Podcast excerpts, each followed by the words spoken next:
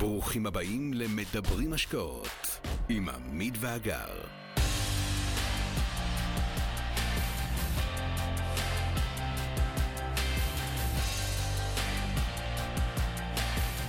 בואי נדבר קצת על, אה, דיברנו על, כאילו, על הצלחות, ובאמת המודל שלכם מאוד מאוד מצליח, עשיתם המון אה, אה, תכנון לזה, המון בדיקות, אה, אבל זאת אומרת, הצלחות זה קל.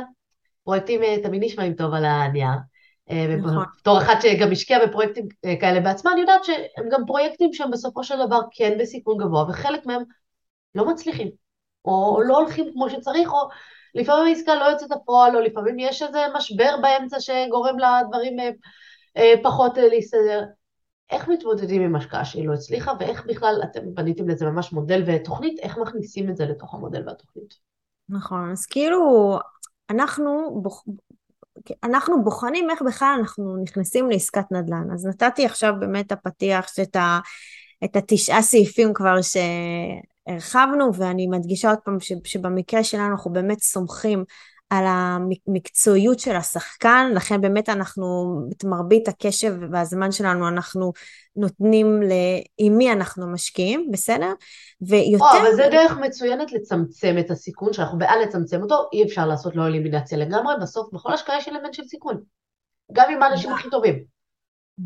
ברור, ברור, ברור, ברור, נכון, אבל אני כל הזמן אומרת שאני משתדלת לא לחפש את האלמנט של הסיכון, אלא אני שמה לב את האלמנט שיש לי של הסיכויים בעסקה הזו. זה, זה סתם, את יודעת, זה לא סתם, זה הטרמינולוגיה שעבדנו עליה הרבה. כי גם אני, כשאנחנו יוצאים לדרך, תמיד אני מספרת על, ה, על הפינגווינים שעמדנו שם על הקרחון, ואני ועמית עומדים ביחד, ובסוף צריך לקפוץ. צריך לקפוץ למים, כי מהאנשים שאת יודעת נסעו כל היום לעבודה, אף פעם לא השקיעו בשום דבר, תמיד שמעו על השכן ועל החבר ועל ההוא שהשקיע, אף פעם לא עשינו את זה בעצמנו, פתאום אני הופכת להיות המשקיעה, כאילו הסוויץ' הזה הראשון, ואם אני כל הזמן הייתי ממשיכה לחשוב בסיכון, אוקיי? אז לא הייתי בכלל מגיעה לסיכוי אה, שיש לי, אה, ולכן במקרה הזה, אני, כמו שאמרתי, משקיעה מאוד בשחקן, אבל אני חייבת להבין ממנו את העסקה באמת על כל הסיכויים והסיכונים בה, ורק כאשר אני באמת מבינה אותם, אני משקיעה. אם אני יושבת בפגישה ומשהו שם לא עבר לי, חזרתי הביתה ונשארתי עם שאלות פתוחות, אני שואלת אותו, הוא לא ענה לי את התשובות שמספיק מתאימות לי, זה, אני חותכת.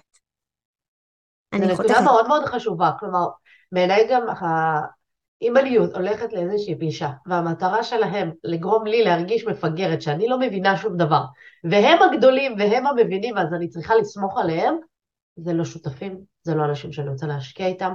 אתם מבחינתי תעשו לי סדנה וקורס מזורז, ואתם תדאגו שאני אבין את העסקה, כי אם אני לא אבין את העסקה, אני לא אשקיע בה. ואני ככה, בעיניי אחד הסיכונים הכי גדולים זה להשקיע בדברים שאנחנו נכון. לא מבינים.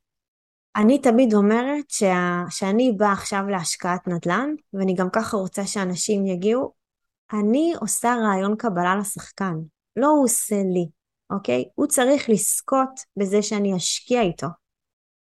וכדאי לו מאוד שאני אבין את העסקה, כי את לא רוצה בשותפויות אנשים שלא מבינים את העסקה.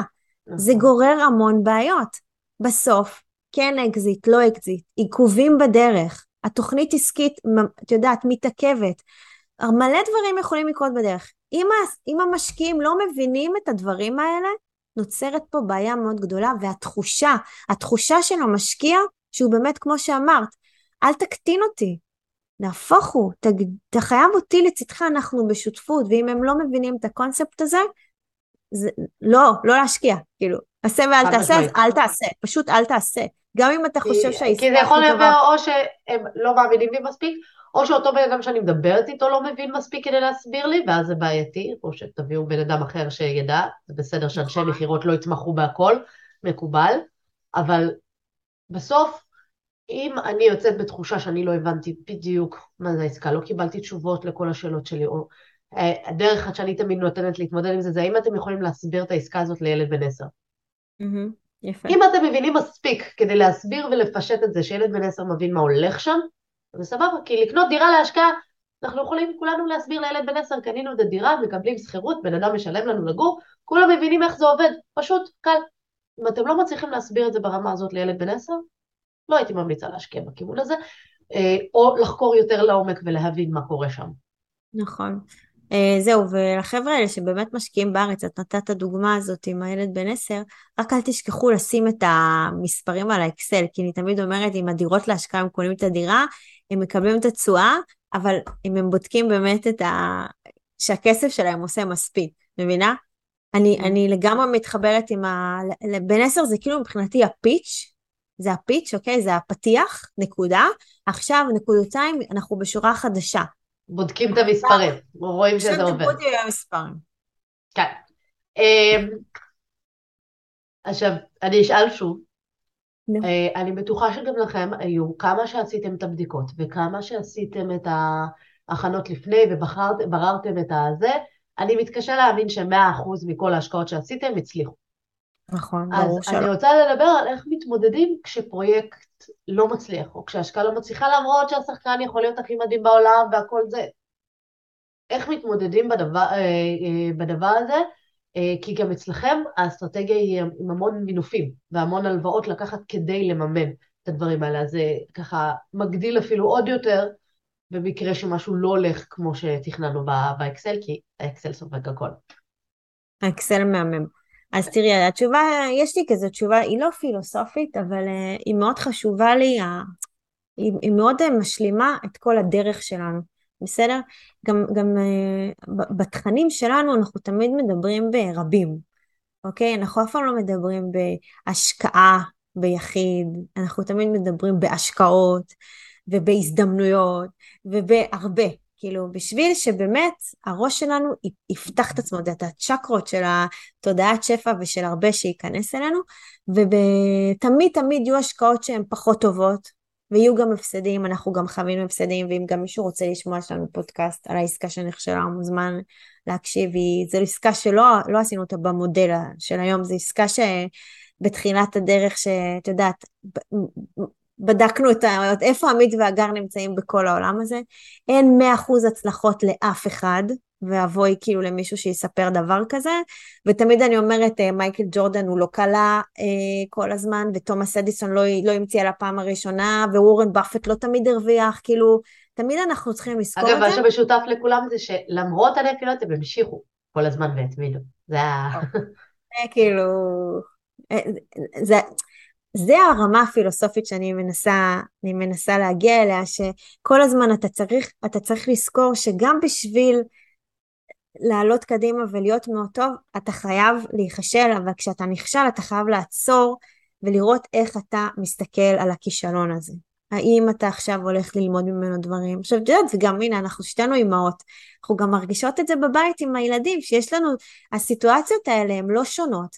פה למשל אנחנו מדברות על השקעות, אבל יש לנו גם כישלונות שיכולות להיות דעת בצד ההורי שלנו, ואז אנחנו צריכות רגע לחשוב איך אנחנו מתמודדות עם הסיטואציה, או האם אנחנו מפיקות מכך לקחים, בודקות מה עשינו שיכל להיות יותר טוב, או למה זה קרה, הולכות אחורה ועושות עם עצמנו שאלות ומביאות את זה לעולם, ה... לעולם הפרקטי של החינוך בילדים. עכשיו זה לא שונה מאיך שאנחנו ניגשים uh, להשקעות, בגלל שאני אומרת שזה דבר נורא הוליסטי, ואז אני אומרת ש... מי שחושב שהוא כאילו רק יצליח וירוויח, אז אני, הוא כנראה לא חי פה, הוא חי באיזה מימד אחר, כן? צריך, אה, הוא צריך לרדת אה, זה. ומלכתחילה אנחנו נכנסים בתודעה שאנחנו מבינים שיהיו לנו הפסדים. תהיה, אה. הפסד יהיה, אני כרגע עוד לא יודעת איפה הוא יפגוש אותי, בסדר? אבל הוא יהיה. אז עכשיו כבר ה mindset שלי קצת השתנה, בסדר? אבל אז אני כל הזמן בוחנת את הלמה יצאתי לדרך. למה אני עושה את מה שאני עושה.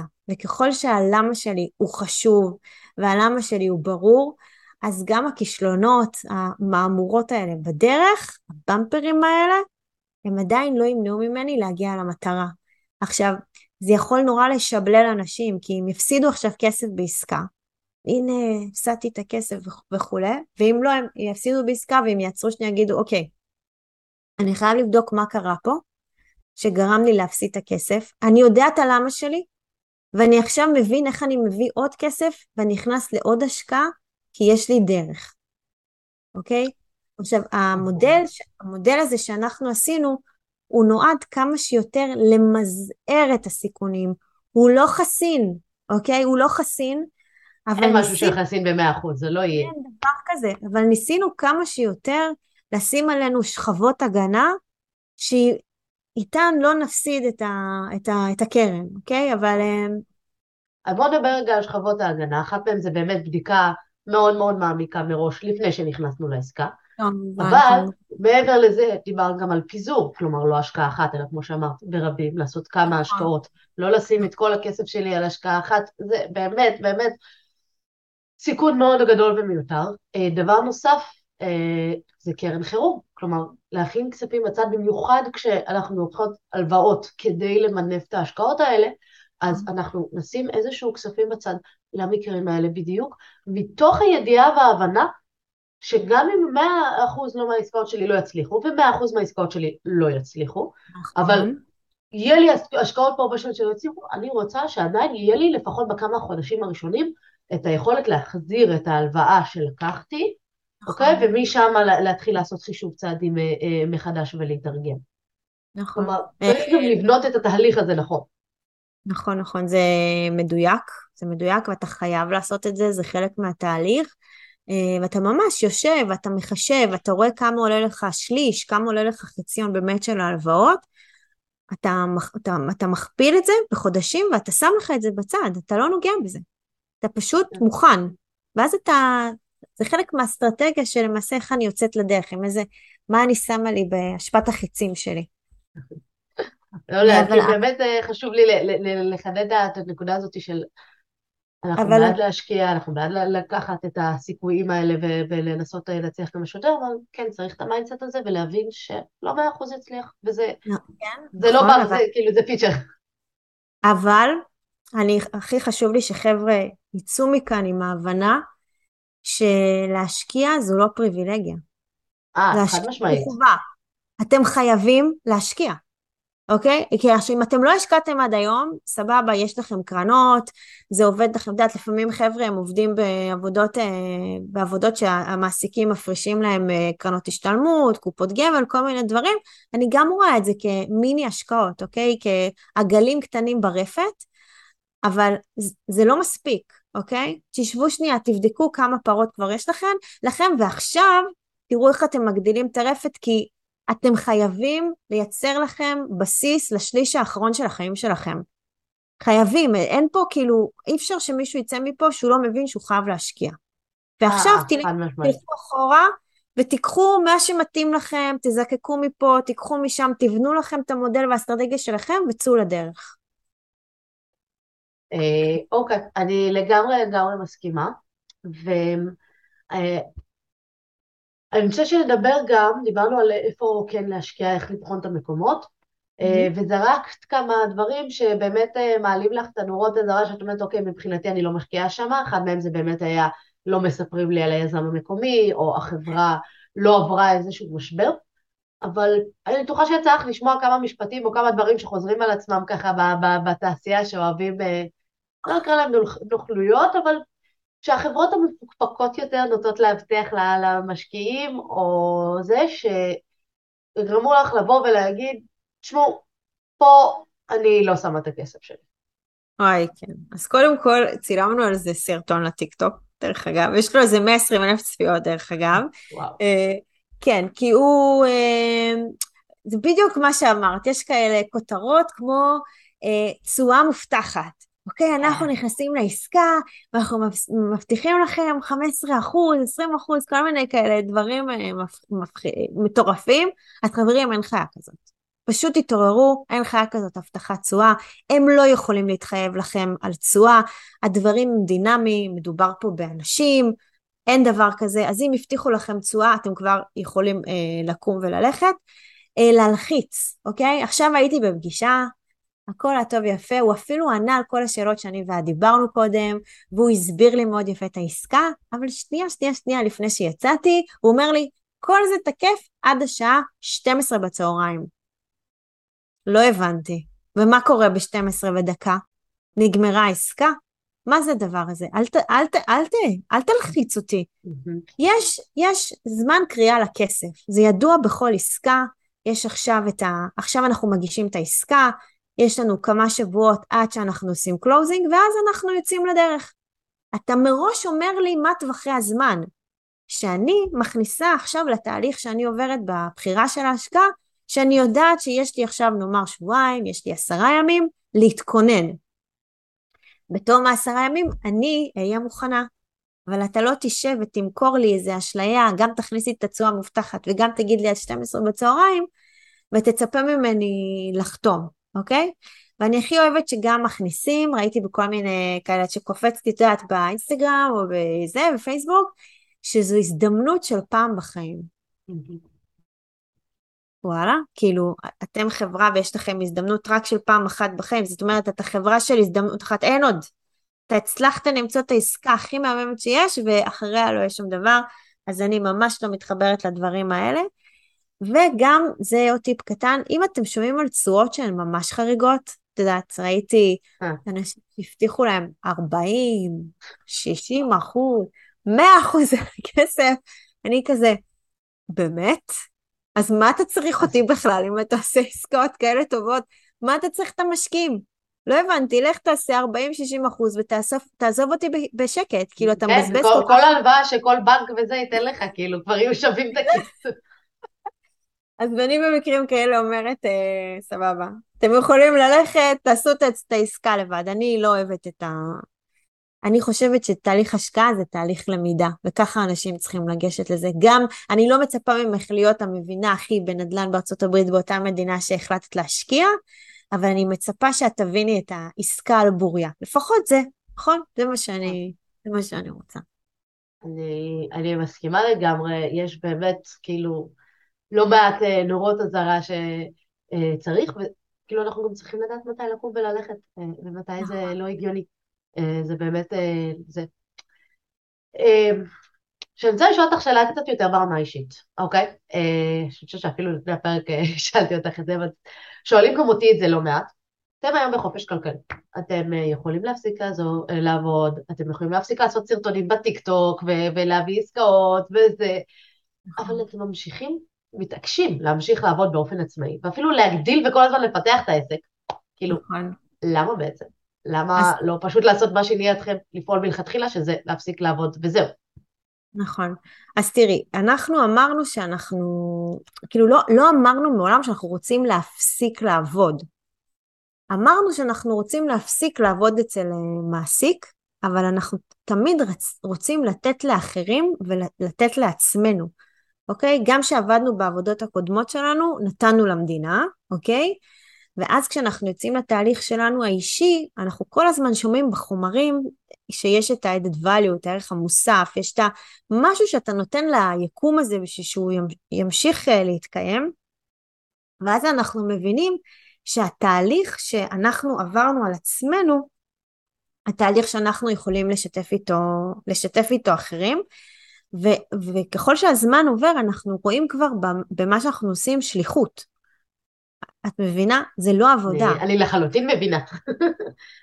אני יודעת שאת מבינה, כי אנחנו באמת מדברים באותו ראש, ויותר מזה, הפערים העצומים שיש פה בידע ותודעה, זה פשוט כאילו, את יודעת, זה קורה, זה קורה, אתה חייב, אני, אני מרגישה שאני אני, אני ואת וכל אלה שעושים את הדברים שאנחנו עושים, חייבים לעזור לאנשים בכל הקשור לכסף ופיננסים ותודעה.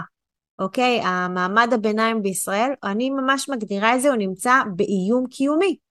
אוקיי? אנשים פה, הם לא מחוברים למספרים, הם מרוויחים משכורות X, הם מבזבזים uh, הרבה יותר. את יודעת שלי ולעמית יש סלוגן, שתמיד אומרים מה השם משפחה, נכון שיש שמות משפחה נפוצים, תמיד אומרים שאולי זה כהן וכולי, אנחנו קוראים לה משפחת ברייק איבן. את יודעת שכל המשפחות במדינת ישראל, כמה שהם ירוויחו, זה כמה שהם יבזבזו. את, את מבינה את זה? כן, זה, זה, זה, זה, זה הדבר הכי אנושי לעשות, כאילו, ואז מרוויחים יותר, ואז פשוט מוציאים יותר. כאילו, מקבלים מעלה, ואז פתאום, ואז אף פעם זה לא מספיק. נכון, בטח שזה לא יספיק. עכשיו, אני אומרת, חבר'ה, תעצרו רגע, תעצרו רגע, תסתכלו על האקסל. טוב, כמה אנשים ישבו ועשו את האקסל המשפחתי הזה, אבל גם עשו איתו משהו, הם ישבו עכשיו, סבבה, הם כבר הביאו את עצמם, הם כבר ישבו לכתוב אותו, אוקיי? מה עשיתם ביום שאחרי? מה עשיתם? חזרתם, הנה, קיבלתם את העלאה, וחזרתם לעשות את אותו דבר. אז מה, כאילו, את יודעת איך אלברט איינשטיין מגדיר, מגדיר אי שפיות? לעשות את אותה פעולה ולחשוב שמשהו אחר ישתנה. הנה, משפחת ברייק איבן. ואני אומרת, ואני ועמית אומרים, שאנחנו ממש פוחדים ממה יהיה פה בשליש האחרון, אנשים יהיו עניים, אוקיי? זה, זה לא יכול לעבוד ככה. וזה חוזר ללמה אנחנו עושים את מה שאנחנו עושים, זאת קריאת השכמה, wake up call, קראי לזה איך שאת רוצה. אנשים חייבים לייצר לעצמם את המשכורת השלישית. לא משנה כרגע מה הגובה שלה, בסדר? היא לא חייבת בהתאמה להיות בהלימה למשכורות שאתם מרוויחים, אבל אתם תתחילו לחשוב שאתם קמים בבוקר, יש את המשכורת שלכם, של התא הזוגי, לא משנה אם זה יחיד או, או זוג, ויש עוד משכורת, שהיא עובדת לצד החיים, והיא מכינה אתכם לשליש הבא של החיים, שאתם תחיו לא בעוני. אני... זו הסיבה. אני מסכימה לחלוטין, זה, זה באמת מגיע ברמת השליחות. דרך כלל מה. שאני אומרת, זה נכון, אבל מה, מה, מה עם אה, ג'ף בזוס, מה עם מרק צוקרברג, אנשים שהם כאילו באמת לא חייבים לרגע להמשיך לעבוד יום בחייהם, יכולים לחיות בלייפסטייל הכי מטורף וזה, ועדיין בוחרים להגיע כל יום לעבודה. בנו משהו שמתחברים אליו, שאוהבים אותו, שנותן את ה drive, ובתכלס אני אגיד, הרבה יותר נדיר למצוא את האנשים שכן הגיעו לחופש הכלכלי, ויושבים על החוף ולא עושים שום דבר לאורך זמן. נכון. זה בעיניי הרבה הרבה יותר נדיר, זה לא משהו שכאילו אה, בדרך כלל אה, קורה, כי פשוט אנשים שיש להם את ה drive הזה, אה, זה אנשים שעשו את כל הפעולות כדי להגיע, זה לא drive שאוקיי, הגענו ליעד אז זה נעלם. נכון. אני גם חושבת שהרבה אנשים באמת צריכים גם קצת לעצור, לעצור קצת את החיים, אולי עכשיו תמיד מדברים על החגים, ואז יש קצת חופשים לאנשים מהעבודה, ובאמת לשבת קצת לשיחות, אה, את יודעת, ברמה התודעה, לבדוק שאתה במקום שטוב לך, ש- שאתה עושה את הדברים שמתאימים לך, שאתה קם בבוקר ואתה מרוצה, ואם לא, אז בוא תראה רגע איפה אתה מרגיש יותר טוב, אתה יודע, כמו בפרטו, איפה ה-20% הזה שפתאום הוא יכול להיות ה-massive action, שיכול פתאום להכניס לך כסף. כי אתה, אתה, אתה נמצא באיזה לופ, כי אתה גם במשפחת break even, ואתה גם חי מרגע לרגע. ואם היית רגע עושה כמה צעדים אחורה, יכול להיות שהיית, את יודעת, עושה ריפייננס לחיים שלך, ומשנה דברים, ופתאום מייצר לעצמך את המשכורת השלישית הזאת ממשהו, את יודעת, ליצור יש מאין, ממשהו שלא ידעת בכלל שאתה יכול לעשות ממנו כסף.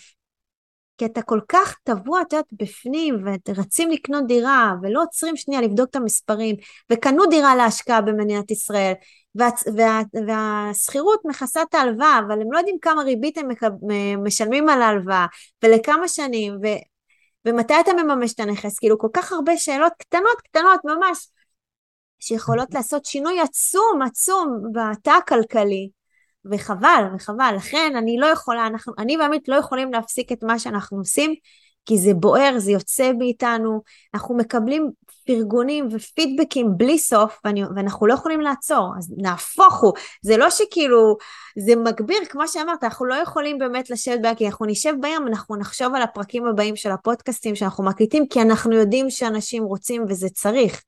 יש פה בור שאף אחד לא מטפל בו חוץ מאיתנו. אני ואת, אף אחד לא מטפל בזה. לכן אנחנו חייבים לעשות את מה שאנחנו עושים. והתיקונים יבואו, הם יבואו מלמטה והם יפרצו עד למעלה, אין מה לעשות. ככה זה יקרה. השינוי יבוא מהרגליים. אנשים, אה, שוב, אני חושבת שצריך להנגיש את המידע הזה כמה שיותר, אה, אחר כך זה באמת בחירה של האנשים אה, מה הם יכולים נכון. לעשות.